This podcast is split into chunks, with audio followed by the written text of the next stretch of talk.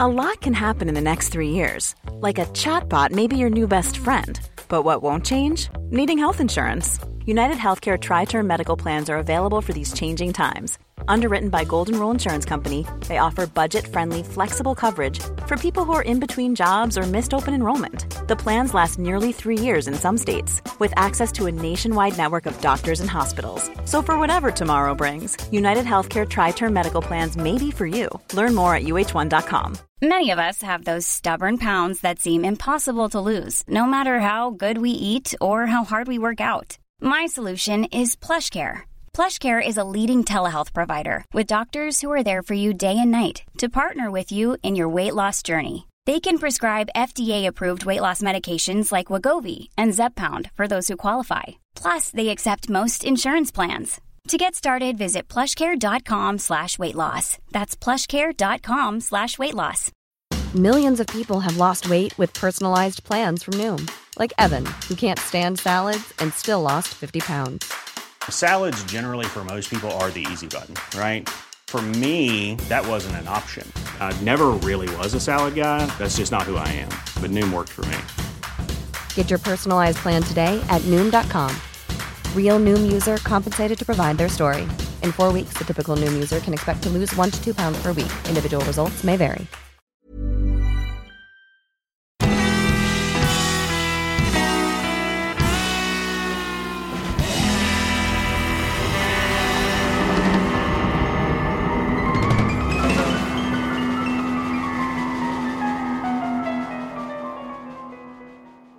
Hej allihopa! Välkomna tillbaka till Ståpäls. Det är fortfarande jag, Ida. Och Lukas. As per usual. Lukas Ternstahl. Men snälla tequila. Kom då gumman. Vi sitter i Lukas och hans frus sovrum och spelar in och eh, hans katt vet inte riktigt hur hon ska ta sig upp Kom. i sängen. Du kan det här. Du gör det varje dag. Kom. Tequila! Sitter du där och suktar? Ja. Ja, vi sitter i sovrummet om du undrar för att min fru håller på att laga mat till oss. ja. Mycket snällt. Eh, vi får se om tequila tar sig upp eller inte. Hon är ju lite... Baktung. Ja, ja kan man väl säga. Ehm, Ni kommer höra när hon kommer upp. ja, nu är hon på G. Ja, du kan. Bästa du. Ja, sitt här i pappas knä. Hallå, finns det något man kan tugga på här? Finns det någon plast? Plast i plast i? Ja. Ja. Eh, I dagens avsnitt så ska vi prata om varsin seriemördare. Är det tänkt. Ja. Eh, Och den här gången har vi hållit våra fall hemliga för varandra. Mhm. Se hur, hur det konceptet funkar höll jag på att säga. Ja, det kanske det blir lite mer spännande för man har inte hunnit eh, tänka efter. Nej, Eh, och kanske kollat själv vad det är för någon typ. nej. Ehm, ehm, det är väl bara att köra igång. Mm. Vi har inga, inga nyheter att berätta sedan förra veckan för att vi spelar in de här avsnitten på varandra. Så att vi kan inte säga hur veckan har varit eller så. Ehm, nej men tequila. Nu slutar hon spinna. Nej, Nej, hon vill inte. Det var en, jag försökte få med hennes spinn. gick sådär. Ja. ja nej. Eh, Ida ska börja idag. Mm. Eh, och jag har valt en som heter Fritz Harman. Och han hade smeknamnet Slaktaren från Hannover. Mm, det känner jag igen. Och nu är frågan om jag ska säga Hannover på tyska eller på svenska. Ah, ta svenska. Ja, för då blir det Hannover. Ja. Eh, och eh, jag kan börja med lite bakgrund. Friedrich Heinrich Karl Fritz Harman föddes eh, i Hannover 25 oktober 1879. Och han var det yngsta av sex barn till Johanna och Olli Harman. Eh, han var ett tyst och lugnt barn som inte lekte som andra pojkar. Alltså det här var ju 1800-talet. Eh, han undvek gärna sport och föredrog istället att leka med sina systrars leksaker. Och han var inte så jättebra i skolan heller. Nej. Inget fel med att leka med sina systrars leksaker dock men Ja men det är ju 1879 liksom. ja, då är det kanske inte helt okej. Nej. Alltså man hade ju inte Nej. den synen som man har nu. Nej. Eh, vid 16 års ålder så sökte han på uppmaning av sina föräldrar in på en militärskola i Neubreisach. Eh, och i början verkade han passa in i militärlivet och presterade bra som aspirerande soldat. Men efter bara ett år på akademin började han få krampanfall och skrevs ut på grund av medicinska skäl. Så han åkte tillbaka till Hannover och började eh, jobba i en cigarrfabrik. Och 1898 så greps han för att ha sexuellt utnyttjat barn. Men en, fast, en eh, psykolog fastställde att han inte var mentalt frisk nog för att genomgå en rättegång och han skickades till en mentalanstalt på obestämd tid. Okej. Eh, sex månader senare rymde han till Schweiz där han arbetade i två år innan han reste tillbaka till Tyskland. Mm, så han ville typ komma iväg lite för att... Ja, Ja, de då- skulle glömma honom. Ja. Mm, tillbaka i Tyskland så sökte han igen till militären men den här gången under ett alias. Eh, men 1902 blev han utskriven igen på grund av samma skäl då, medicinska skäl. Han fick full militärpension och flyttade hem till sin familj och började jobba på sin pappas företag. Eh, efter ett våldsamt bråk med Olli då, hans pappa, så greps Fritz och han skickades igen för medicinsk utvärdering. Den här gången ansågs han vara mentalt stabil men rätten skickade hem Fritz till sin familj igen. Och strax efter det så försökte han öppna en liten butik men den gick snabbt i konkurs. Jaha, okej. Det gick bra för honom känner jag. Ja, jag känner det. det går jättebra. Eh, under de kommande åren då, eller årtiondet så levde han som småtjuv, inbrottstjuv och bedragare. Mm. Han blev ofta gripen och satt flera korta perioder i fängelse. Han etablerade sakta en relation med polisen i Hannover och blev informant. Säger man så? Eller informatör? Skitsam. Mm. Eh, informatör, han gav, han gav kanske. dem information. Ja. Eh, främst för att rikta uppmärksamheten från sina egna brott. Ah, smart. Eh, och polisen började se honom som en pålitlig källa till information om kriminella nätverk i Hannover.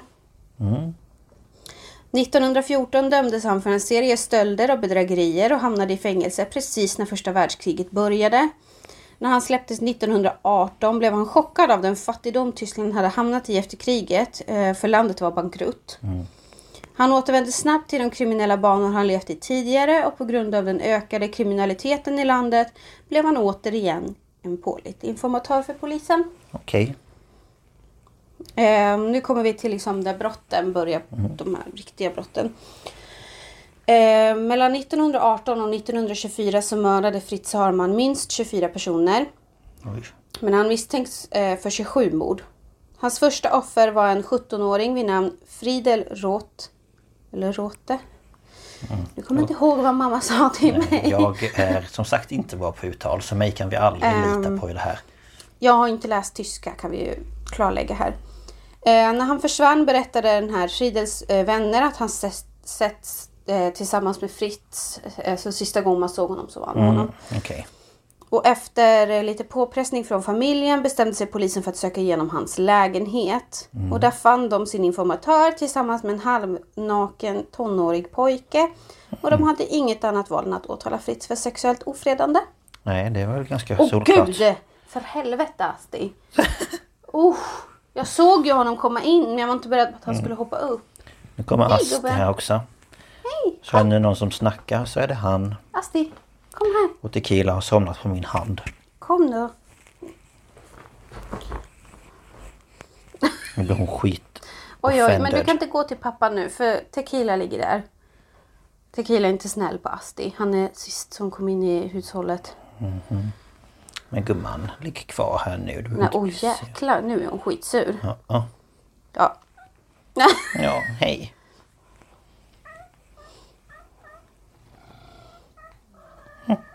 Ja, tystnaden är när vi, vi stirrar på varandra.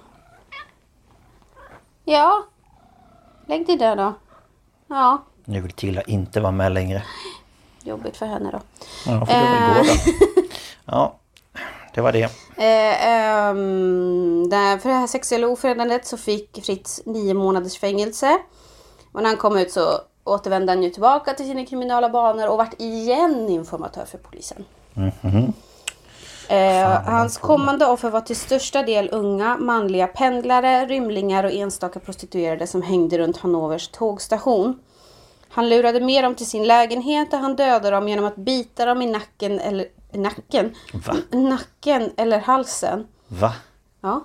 Och ibland utförde han ehm, också samtidigt övergrepp på dem. Var han en liten vampyr? Ja, typ. Alla offer styckades innan de dumpades, oftast i floden eh, Line. Tror jag det var. Line. Lane. Line. Någonting åt det hållet. Eh, offrens ägodelar såldes antingen på svarta marknaden, eller så behöll han dem, eller hans älskare Hans. Ehm, alltså någon av dem behöll dem. Det finns också, rykt, det finns också rykten om att Fritz tog kropparna och sålde dem som fläskkött på burk. Men det finns inga bevis. Nej, det hoppas jag inte att han Mm, det börjar gjorde. lukta gott här nu för Kim lagar mat. Ja, jag har inte ätit så mycket idag. Ehm, Food. Eh, Han blev till slut påkommen efter att flera skelettdelar som han dumpat i floden spolades upp nedströms i maj och juni 1924. Och polisen draggade floden och man hittade fler än 500 människoben vilka bestämdes komma från minst 22 olika personer. Mm. Eh, Misstankarna vände snabbt mot Fritz eftersom han hade dömts för övergrepp på barn och han hade blivit kopplad till försvinnandet av Fridel 1918. Man satte övervakning på honom då natten till 22 juni och, obs- och han observerades när han gick runt eh, tågstationen och blev snabbt gripen när han försökte lura med sig en pojke hem.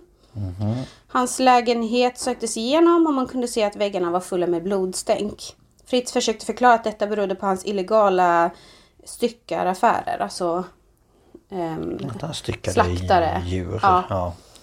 Jag förstår. eh, men kläder och personliga ägodelar från flera försvunna ungdomar hittades också. Mm. Nej, det var faktiskt grisarna och kossorna som hade kläder på sig. Ja, gud ja. Det var kallt. Ja. Under förhör så erkände han snabbt våldtäkt, mord och styckning av unga män sedan 1918. När man frågade hur många han mördat påstod han att det var mellan 50 och 70 personer. Men man kunde bara koppla honom till försvinnandet av 27 ungdomar och han blev åtalad för dessa. Okej. Och lite så här eh, sjuk fakta är att en fjärdedel av alla personliga ägodelar i hans lägenhet tillhörde offren. Jaha. Av allt Typ- han ägde så var en fjärdedel Och det var mordoffren. liksom inte bara så här kläder och grejer utan Alltså klockor, Mm. typ accessoarer och... ja, alltså, sånt. som man liksom var personligt då liksom. Jaha. Ja, det är ju lite sjukt. Hans rättegång började 4 december 1924 och han var åtalad för att ha mördat 27 pojkar mellan 1918 och 1924.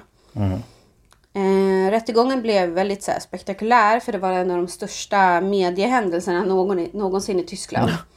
Det kan jag tänka mig. Eh, och termen seriemördare fanns ju inte än. Ehm, Mm, Just det, ja. Det kom väl på typ 70-talet eller vad det? Jag har inte sett den där serien Mindhunter. Nej, när var detta? 24? Jaha, ja, nej då tror jag inte de hade det nej. Nej, då skulle de ju ha kallat Jack the Ripper för det. Ja, i och för sig. Men eh, och, ja, man visste inte riktigt hur man skulle förklara honom. eh, Så han blev bland annat kallad för varulv, vampyr och vargmannen. Ja, men då var jag ute på rätt spår i alla fall. Eller inne, inte ute. Något som skakade allmänheten förutom allt som Fritz hade erkänt var att for- polisen frekvent använt Fritz som informatör och inte alls förstått vem de hade att göra med. Nej. Och rättegången varade knappt två veckor. Och 19 december eh, dömdes han till döden. Han var skyldig till 24 av 27 mord. Och han avrättades med giljotinen den 25 april 1925.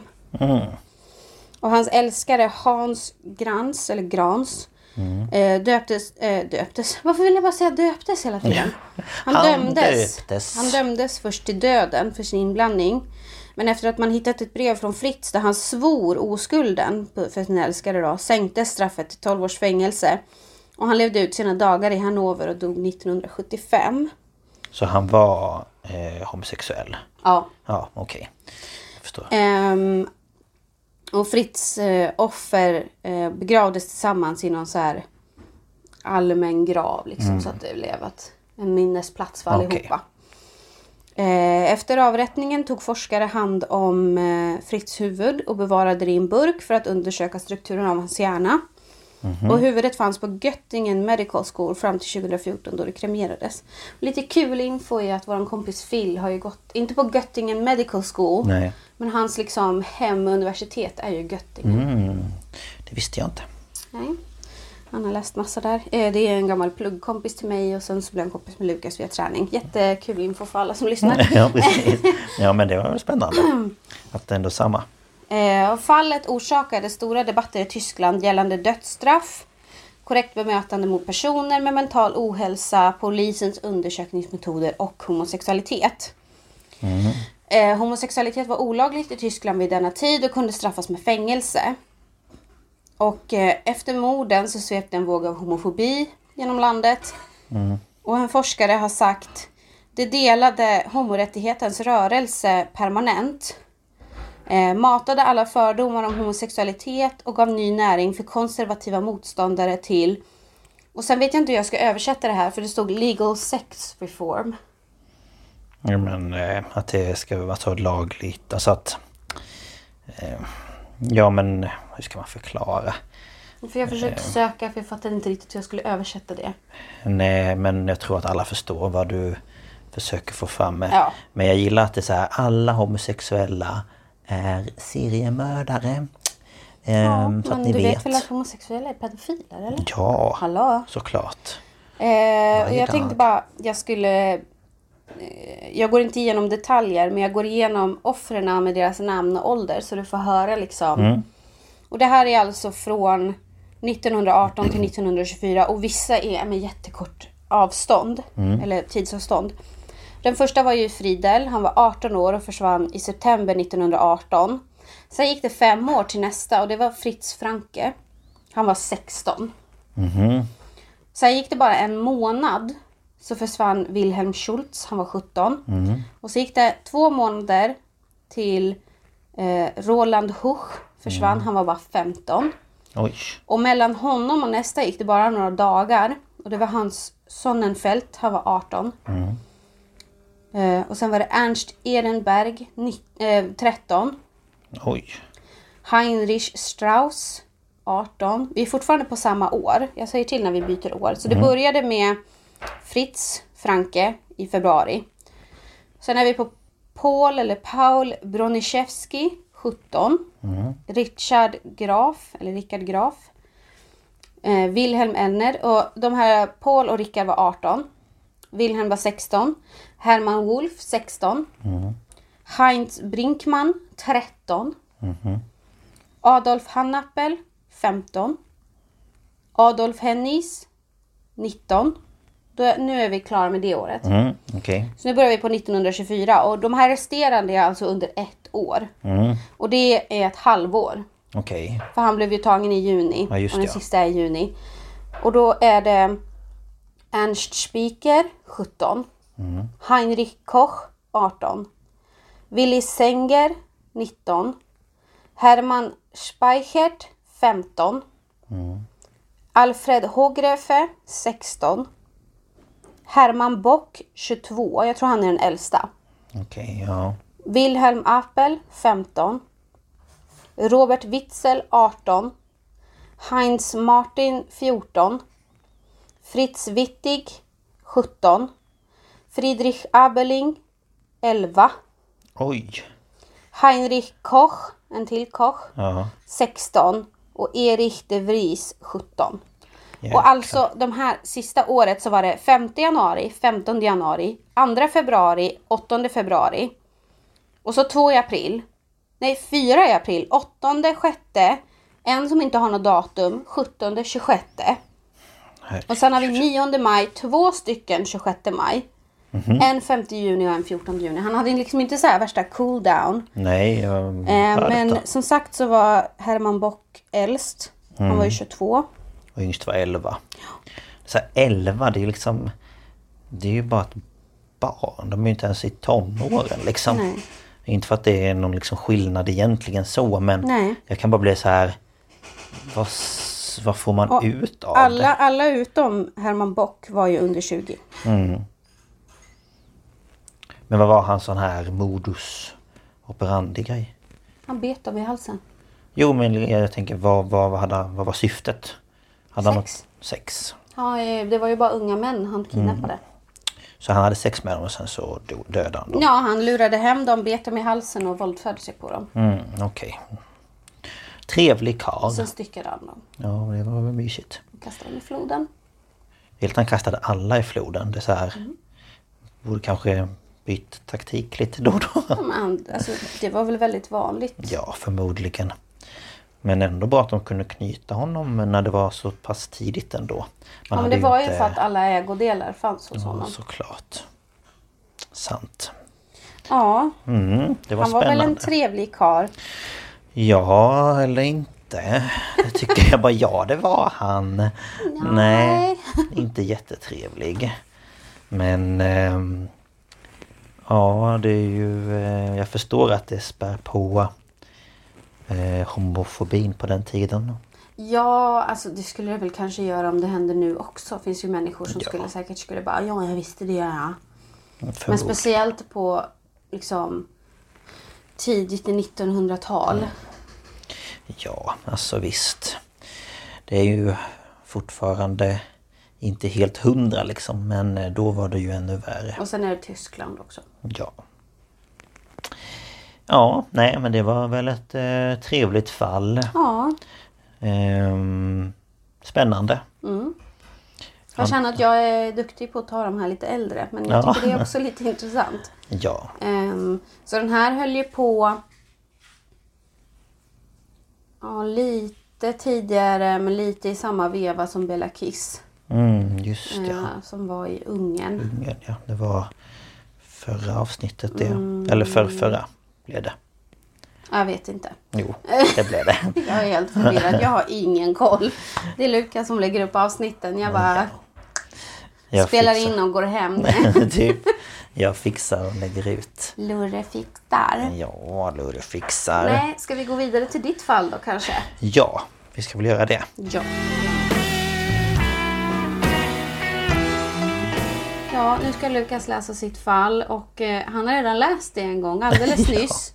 Men eh, jag råkade trycka på av inspelningen så att det blev ingenting. Så vi har ju suttit här i typ pff, minst en halvtimme och pratat. Ja. Och ingenting spelades in och ni har Nej. totalt missat alla gulliga kattgrejer också. Ja, ta det. Jag som hade hoppats på Jag tar att det. Mm, Tequilas högljudda snarkningar skulle ja. komma med. Men ja. Basti ligger och drömmer och Först så Trilla ligger och glömde jag snarkar. dokumenten på datorn hemma. Ja. Så inspelningen blev en dag sen. Mm. Och så hände det här. Det är väl helt jävla fantastiskt. Ja, ja, men eh, jag, jag fixar detta. Jag ska bara sjunga upp lite. Jag blir så trött. la, la, la, la, la, la, la. Nej, jag skojar. Oh, oh. Gud vad Tequila inte gillade det där. När du sjöng? Ja, hon bara... Vad gör du för något? Så fult var det väl inte Tila? Oj, hon ser jättearg ut. Och Ja. Mm. så ser hon att Astrid ligger här och bara "Ew, Ja, herregud. Ja. 哦 Ew. Ja, Eh, du andas. vad gör han här? Du tuggar. Oj, förlåt. Nu fastnar du i sladdarna pojken. Ah. Åh, hej och hå.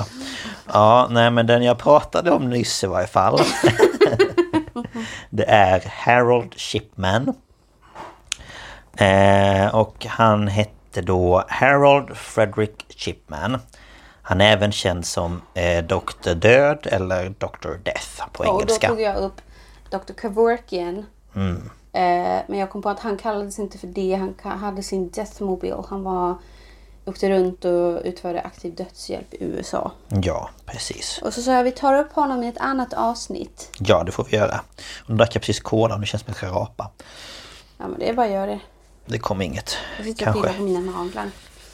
Nej, det blev inget. Ehm, eh, han föddes i varje fall den 14 januari 1946 på Bestwood Council Estate i Nottingham, England. Och... eh, Nottingham. Nottingham? Åh, Hette det Nottingham? Nottingham? Ja är det Nottingham? Jag tänkte att det var ett annat ställe. Så Jaha. jag bara, vem vill bo i Nottingham? Det är jag med min engelska, ja okej. förlåt. Ja, men jag har trott hela tiden att det var ett annat ställe. Nej, så jag bara, Nottingham? Nothing! Vem Oh. fan vill bo där? Det här är ingenting. Ehm, nej, Nottingham. Här är ingen skinka. Precis. Nothing här. Jag har ingen skinka, har du en skinka? Mm. Ingen skinka här, ingen skinka här. Ho, ho. Skinka, skinka, skinka, skinka. Oh, Nej. Old MacDonald had no ham. Ia, ia, jo. ja. Ja, nej. Men hans eh, familj och vänner i varje fall kallade honom för Fred. Eh, han var det mellersta barnet av tre syskon. Hans pappa, som även han hette Harold Frederick Shipman, vilket jag tyckte var väldigt skumt.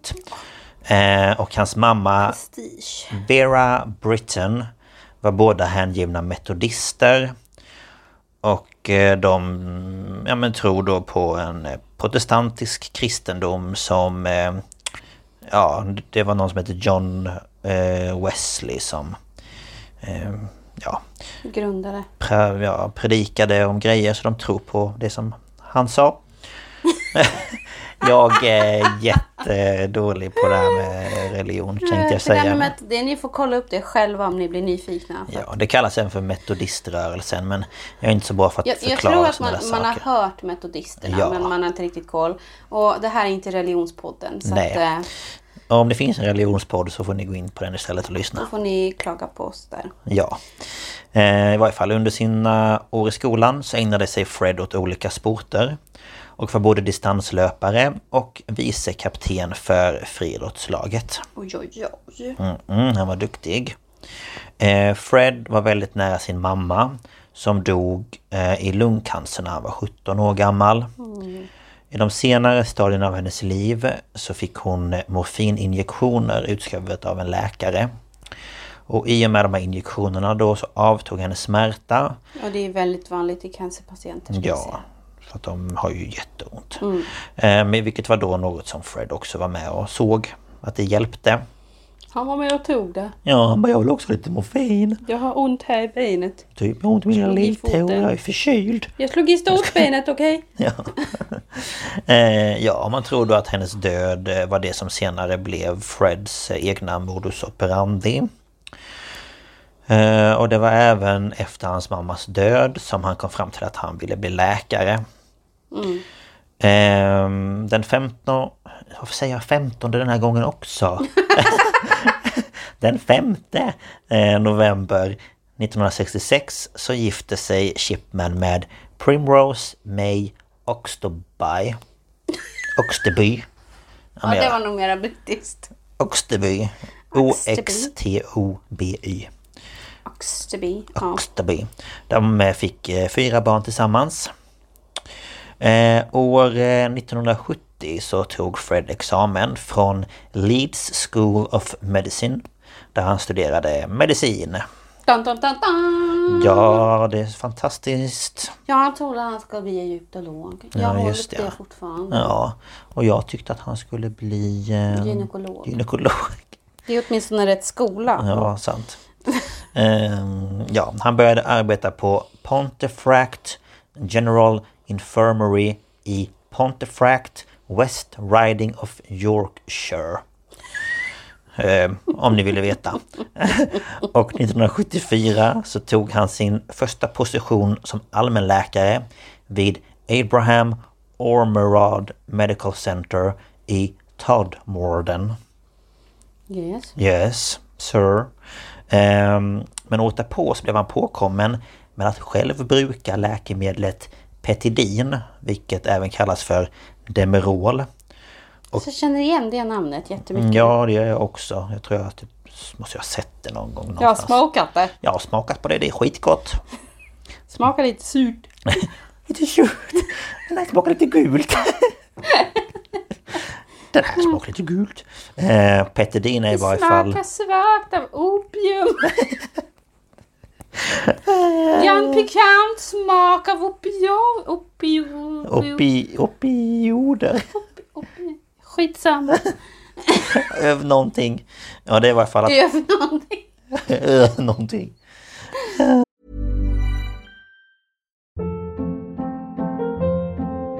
Hold up. What was that? Boring. No flavor. That was as bad as those leftovers you ate all week. Kiki Palmer here, and it's time to say hello to something fresh and guilt-free. Hello Fresh. Jazz up dinner with pecan-crusted chicken or garlic butter shrimp scampi. Now that's music to my mouth. Hello Fresh. Let's get this dinner party started. Discover all the delicious possibilities at hellofresh.com. Hey, it's Ryan Reynolds, and I'm here with Keith, co star of my upcoming film, If, only in theaters, May 17th. Do you want to tell people the big news? All right, I'll do it. Sign up now and you'll get unlimited for $15 a month and six months of Paramount Plus Essential Plan on us. Mintmobile.com slash switch. Upfront payment of $45 equivalent to $15 per month. Unlimited over 40 gigabytes per month. Face lower speeds. Videos at 480p. Active Mint customers by 531.24 get six months of Paramount Plus Essential Plan. Auto renews after six months. Offer ends May 31st, 2024. Separate Paramount Plus registration required. Terms and conditions apply if rated PG. Ja, petidin i varje fall, det är en syntetisk opioid. Det är alltså en s- Opioid. ja, det är alltså en smärtmedicin av fenylpiperidinklassen. I have no idea. No. Nej. Eh, och på grund av detta då så fick han böter på 600 pund och blev intagen på en klinik för läkemedelsrehabilitering i York. Mm. Efter rehabiliteringen så började han år 1977 att arbeta som allmänläkare vid Donnybrook Medical Center i Hyde i närheten av Manchester. Tessa! Manchester, your lord! Jag trodde du skulle säga United! Eller my lord, Milord. my lord. Milady. Min lady. Eh, Fredrik arbetade... Fredrik! Fredrik, han jobbade... Han, nu, be- jag måste bara berätta en sak. När Fredrik, jag såg... Jag vet, Jag var helt inne också. Jag bara Fredrik. Oj, oj, oj. Jag är trött idag, förlåt. Oj, oj, oj. Oj, oj, oj, oj. Låt mig Det Ah. går när man andas. läser det för andra gången. Ja, jag känner det. Nej, men Fred arbetade där under 80-talet och startade sin egen klinik 1993 vid 21st Market Street och blev snabbt en respekterad medlem i samhället. Ja. Men i mars 1998 så var det en kvinna vid namn Deborah Massey, Massey Som vi fortfarande inte vet hur man uttalar. ja, som arbetade för Frank Massey Sons begravningsbyrå. Och hon började då bli lite fundersam kring alla dödsfall som inträffade under eh, Shipmans vård. Och hon berättade då för Linda Reynolds som själv har arbetade på det här Donnybrook Medical Center i Hyde. Ja. Och hon berättade sen då för en eh, John Pollard som arbetade som polis vid South Manchester District. Och Linda, hon var då främst orolig över det stora antalet eh, så här blanketter gällande kremeringar för främst äldre kvinnor som Chipman hade skrivit under. Och ärendet då fick eh, hos polisen en stor uppmärksamhet. Men eh, då de inte hade tillräckligt med bevis för att kunna väcka anklagelser så var de tvungna att avvakta. ja. Eh, Det är liksom ganska allvarliga anklagelser. Ja, Så att det... de måste ju ha bevis såklart, det fattar Ja. man ju. Eh, Så den 17 april 1998 så fick polisen lägga utredningen åt sidan. Och därmed också eh, då det eventuella gripandet av Chipman. Mm. Detta eh, ledde till att Chipman dödade ytterligare tre personer. Wow. Wow! Wow, amazing! Eh, flera månader efter det här dödsfallen så var det en taxichaufför i eh, Hyde som eh, kontaktade polisen och informerade dem om att han misstänkte att Chipman hade mördat 21 av sina patienter. Ja. Och chauffören sa då att han hade kört många patienter till och från Chipmans klinik. Och hade börjat bli orolig redan eh, 1995 när en kvinna vid namn Netta Ashcroft dog. Och eh, han menade då på att när han hade lämnat henne vid kliniken så mådde hon bra och ja, men var så gott som frisk liksom. Jag antar väl att det var någon eh, checkup. ja, eller Alltså, bara... Hon någonting. kanske hade högt blodtryck och skulle få en ny... Ja, någonting i varje Ja. fall. Hon, hon var inte dödssjuk. Nej. Ehm, senare då i varje fall så hade hennes barn ringt till den här taxichauffören eh, och bett honom åka eh, dit och hämta deras mamma. Mm. Och varför de ringde honom det vet jag inte. Nej, Eh, det där fattar vi inte riktigt. Nej, men att hon då plötsligt hade dött. Han kanske hade en likbil också. Ja, det vet De ni bara, ju nu inte. tar den stora bilen. Typ, ta stora bilen nu, det behövs. Inte den där lilla, den stora. Vi vill inte ha uh, mikran nu. Nej. Jag vet att hon ska bli likstel. I en sittande position. Nej, fy fy fan vad hemskt. Nej, usch. Ja. Eh, han vågade inte berätta det för någon eh, då han var rädd för att han skulle bli stämd för förtal. Mm. Eftersom han inte var säker. Nej. Eh, Men Chipmans sista offer det var en kvinna vid namn Kathleen Grundy som då hade hittats död i sitt hem den 24 juni 1998. Och Chipman ska då ha varit den sista personen som såg henne vid liv. Eh, Han var även den som senare skrev under he- hennes eh, dödsintyg och eh, hade då lagt till eh, ålderdom som dödsorsak.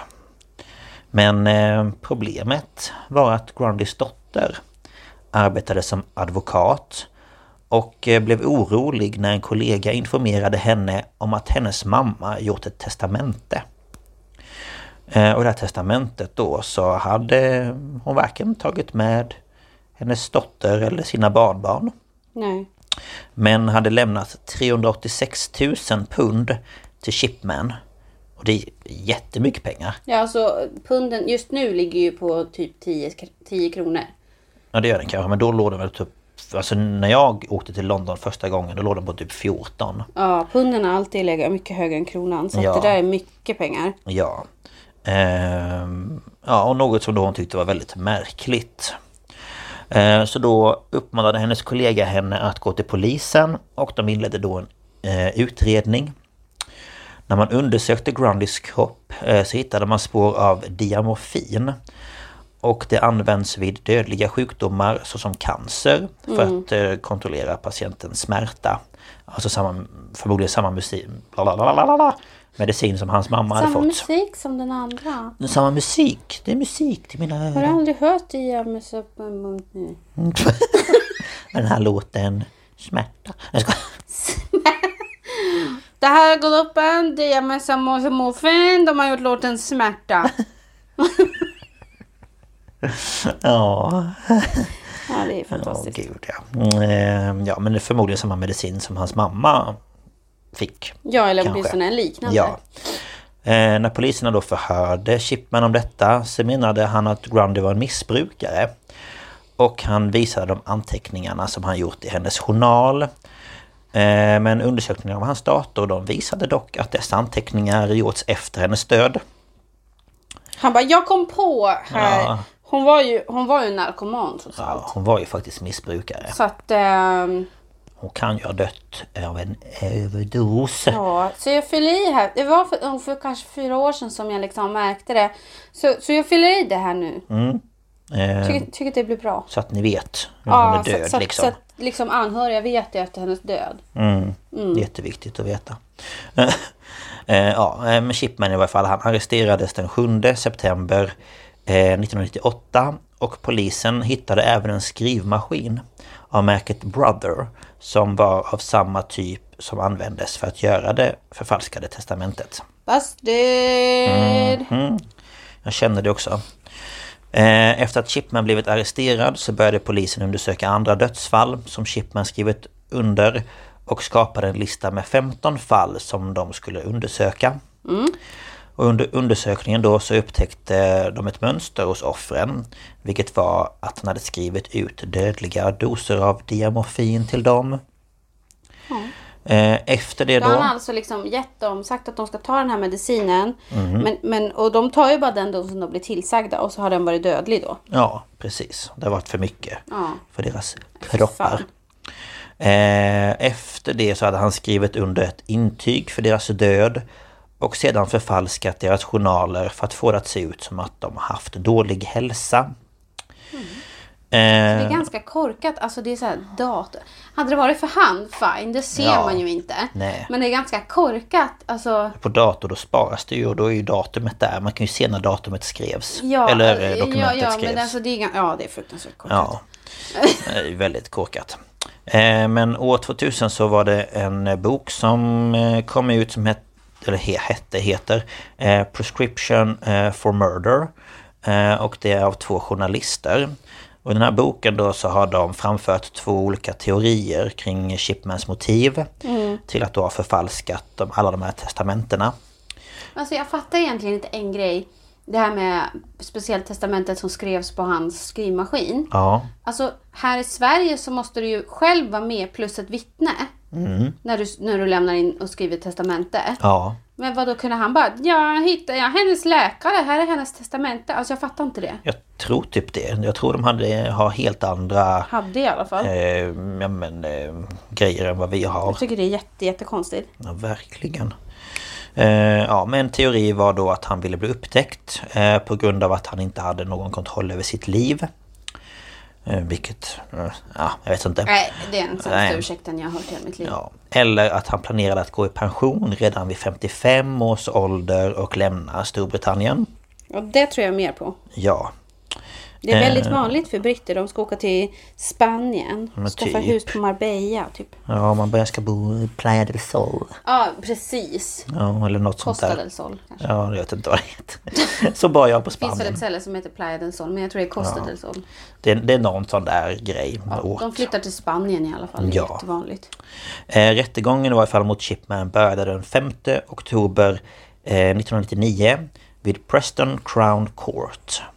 Han anklagades då för mord på 15 kvinnor som han dödat genom dödliga injektioner mellan 1995 och 1998.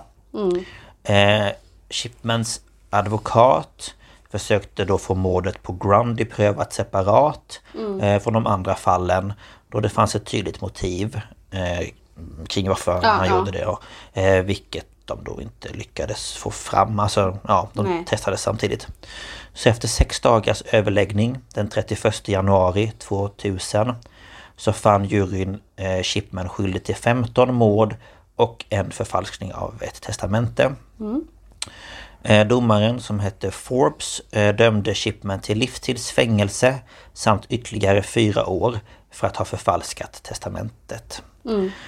Och även om myndigheterna kunde väckt ytterligare anklagelser eh, drog man slutsatsen att det hade varit omöjligt att få till en rättvis förhandling med tanke på den enorma publiciteten kring den första rättegången. Mm. Ja, men det Ehm, förstår man ju.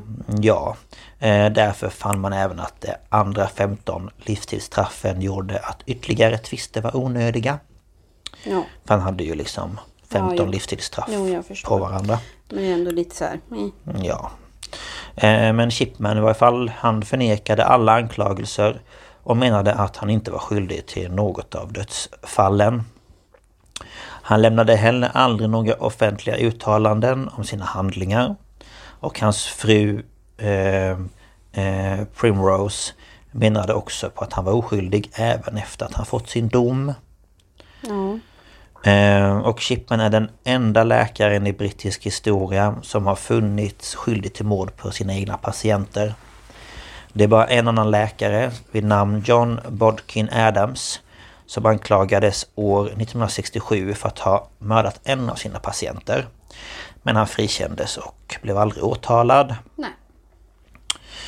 Eh, Shipman i varje fall, han dog den 13 januari 2004 före sin 58-årsdag genom Mm. att hänga sig i sin cell i Wakefield Prison.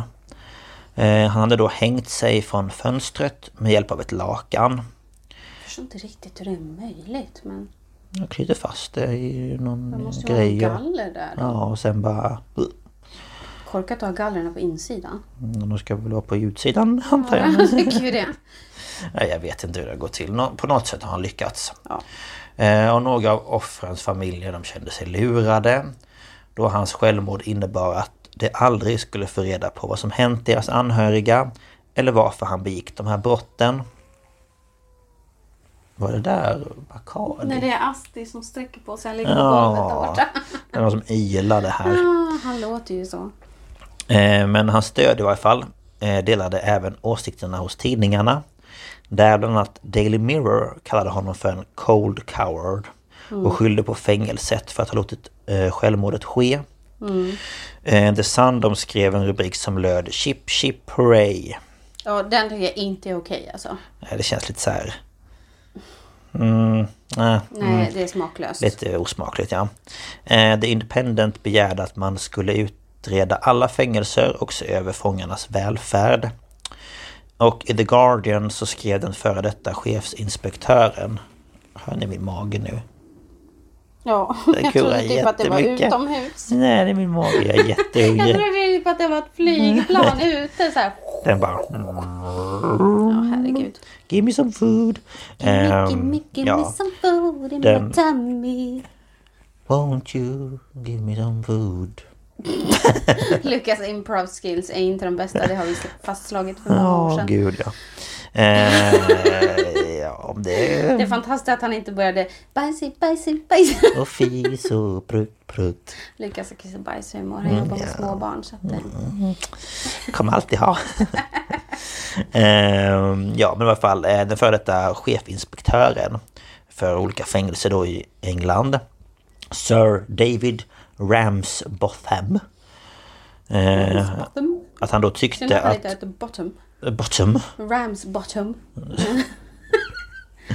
Ja. Bockröv. typ. Bockstjärt. Eh, Sir Bock... Bock... s- Sir Bottstjärt. Sir Bock... Bockstjärt. Jag kan inte prata. Ja, herregud. Ja, Mm. fortsätt. Ja, han tyckte i varje fall att livstidsstraffet skulle ändras till ett straff på obestämd tid. Han menade att detta skulle ge fångarna hopp om ett eventuellt frigörande och att det skulle minska risken för att fångar tar sina egna liv genom självmord. Men motivet till Chipmans självmord fastställdes aldrig. Det man vet är att Chipman enligt uppgifter berättade för den som var ansvarig för hans dom att han övervägde självmord för att försäkra sig om att hans fru skulle klara sig ekonomiskt. Eh, Då Chipmans, Chipman blivit av med sin pension. Efter hans självmord då så fick hon en hel pension. Vilket hon inte fått om Chipman levt till han var 60. Nej, Så det var ju därför han gjorde det. antagligen. Ja. Eh, Det började även komma fram bevis för att hon började misstänka att han var skyldig eh, till det han blivit dömd för. Och hon ska då bland annat ha skrivit ett brev där det stod Berätta allt oavsett vad. Och i januari 2001 så valdes Chris Gregg eh, som var en detektiv i West Yorkshire ut eh, för att leda en utredning av 22 av de dödsfallen i det här området. Utredningen slutade med att man hittade bevis för att han dödat 215 av sina patienter mellan år 1975 och 1998. Helt sjuk. Ja, det är helt Det galet. är så många. Eh, Domaren då som lämnade in den här rapporten medgav att det fanns fler dödsfall med liknande orsaker som man inte var helt säker på om han var skyldig till. Eh, Och domaren då lämnade in sin sjätte och sista rapport den 24 januari 2005 och i den visade sig att det hade dött 459 personer under Chipmans vård mellan 71 och 98. Men man är inte säker på hur många av de här då som var mördade. Eh, Då Chipman var den enda läkaren som var där och bekräftade ett dödsfall. Ja. Men domaren kom i varje fall till slut fram till en uppskattning av 250 personer som han har mördat. Det är... Åh, Det är jättemånga. Ja. 250 personer. fy fan att komma undan med det. Ja, helt galet. Samma år i varje fall så kom det även fram att Chipman stulit smycken från sina offer. 1998 så hade polisen beslagtagit smycken för ett värde av 10 000 pund som man hittat i hans garage. Och i mars eh, 2005 så skrev polisen eh, till offrens familjer att de då skulle identifiera de här smyckena. Eh, och alla oidentifierade smycken de överlämnades till Assets Recovery Agency, vilket är en slags myndighet i Storbritannien som inte finns längre. Där man då tog beslag, tog eh, ja, grejer som har varit med i mord liksom. Ja. Eh, myndigheterna returnerade 66 smycken till Chipmans fru som då var hennes. Och 33 av de här smyckena de auktionerades ut. Och pengarna från auktionen gick till eh, Tamside Victim Support. ja, det är bra. Ja. Och sen så finns det en trädgård eh, som heter The Garden of Tranquility. Och det är en, trä, eh, en trädgård, ja det sa jag. Men det är en, det är en minnesträdgård. Åh, jag är så hungrig. Eh, Åh, min lilla mage, den bara kurrar. Eh, som öppnades den 30 juli 2005 i Hyde Park i London. Och vi tror båda två att vi har varit där men vi är inte säkra. Men vi känner igen det. Mm. Jag tror jag måste i alla fall ha gått förbi den. Ja. Ehm, och eh, det här fallet då med Shipman eh, och en rad eh, rekommendationer från den slutgiltiga rapporten ledde till en hel del förändringar av olika medicinska processer i Storbritannien. Vilket då kallas för Shipman-effekten. Ja. Eh, Många läkare har rapporterat eh, in eh, så här förändringar i deras sätt att dela ut medicin. Och eh, att det har funnits en motvilja att skriva ut smärtstillande läkemedel. Och det kan då ha lett till att för få patienter i behov av det inte fått det utskrivet. Och då tror jag att det är av rädsla för att de ska liksom bli misstänkta för något. ja. Eh, metoderna gällande dödscertifiering ändrades också. Den största förändringen var att man gick från att vara en allmänläkare till att man var flera allmänläkare på samma klinik. Och det här var egentligen ingen rekommendation utan i rapporten så stod det att de, det inte fanns tillräckligt med skydd eh, och övervakning av eh, läkarnas beslut helt enkelt. Och sen eh, slutgiltigen så eh, de här blanketterna som man behöver fylla i inför en kremering i England och Wales. De har ändrats och idag så finns det med frågor som behövs besvaras av den som håller i själva begravningen. Och eh, de här frågorna är då Känner du till eller misstänker du att dödsorsaken för den som har dött var våldsam eller onaturlig? Och anser du att det bör göras ytterligare undersökningar av kroppen av den som har dött? Mm. Ehm, så ja, det var mitt lilla fall det. ja, det är fruktansvärt. Ja, Jag tycker man ska kunna lita på läkare. ja, så att 250 pers som Alltså det är dör. ju fruktansvärt många. Ja, förfalskning av alla dokument. Egenskrivna testamenten. Som de då har skrivit under också. Han, Men det är det jag inte fattar. Nej, men det roliga var att jag såg i en av de här dokumentärerna. Det var en eh, son till sin mamma. Hon hade dött. Och så hade han då kommit till eh, Mm. Man brukar vara Shipmans- son till sin mamma. Eh, Ja, såklart. Ja, men hade han då kommit till Shipmans kontor och då hade han utfärdat ett testamente då och det visste ju inte han om att det var Mm. Nej. han som hade gjort det. Och då så fick han aldrig reda på vad som stod i det för när han skulle skriva under blanketten då hade han vikt över det. Ja, men, Så man, han skulle bara då skriva viker man på. ju upp det. Ja, nej men han hade bara skrivit under Nej det men alltså! och sen gått därifrån. Åh, jag får panik. Så han visste ju inte vad det stod i Nej, det. då får han ju faktiskt skylla sig själv. Ja. Eh, så att... ehm, ja. Eh, och jag gillar förresten hon där... ehm, vad hette hon? Hon som jobbade på den här begravningsbyrån. Alltså... eh, Jag vet inte redigt i, i Sverige, visst att man kanske har kostym på sig och så ibland. Men alltså hon kommer ut med en svart kjol, svarta sådana här knytboots typ. Eh, vit eh, skjorta, en lång eh, så här spikrak kappa ner till under knäna. En svart hatt med en svart fjäder. Och grejer. Nästan lite såhär Boy George. Ja men lite så. Så kommer hon ut när hon ska liksom köra till olika ställen och plocka Hon ville upp. väl vara lite proper, jag Ja, vet och inte. så har hon lite så här på, på snedden. men Hatten gud. och eh, väldigt... Excentrisk kanske Eh, man skulle säga. ja, en väldigt eh, typisk kvinna på 90-talet skulle jag säga. rent eh, ja. allmänt. Hennes frisyr var så här kort, Ja, nej, men gud. blonderad. Och så de här kapporna, de skulle gärna vara i så här skinn också.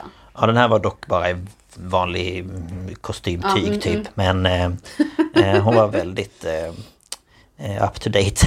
Fantastiskt. ja, nej så det var det i varje fall. Ja, då har ni hört veckans fall då hörni. Mm, två seriemördare. Vi har en del seriemördare på, på G. Ja. Eh, Det blev lätt så. Ja. Finns Men eh, om en ni... drös av eh, sådana. kommer på ämnen så kan ni ju skriva till exempel till Lukas på Instagram. Han heter Lukas Ternestal.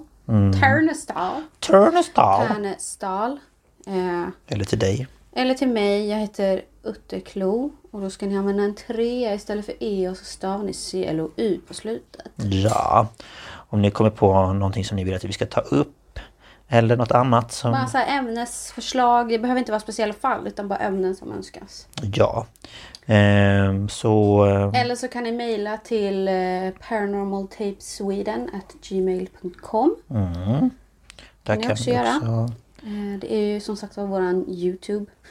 Men eh, Ja. vi tänkte vi använder den mejlen till det här också. Ja, det blir så många annat. Frågor, Allt funderingar, allt. mellan himmel och jord. Så får ni ha det så jättebra. Ja, ta hand om er så hörs vi Ja. nästa vecka. Mm, hej då! Hej då!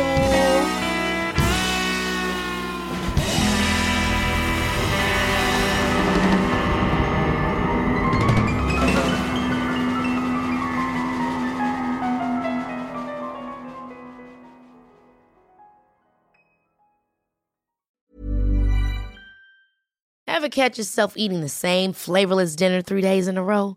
Dreaming of something better? Well, HelloFresh is your guilt free dream come true, baby. It's me, Kiki Palmer. Let's wake up those taste buds with hot, juicy pecan crusted chicken or garlic butter shrimp scampi. Mm. Hello Fresh. Stop dreaming of all the delicious possibilities and dig in at HelloFresh.com. Let's get this dinner party started.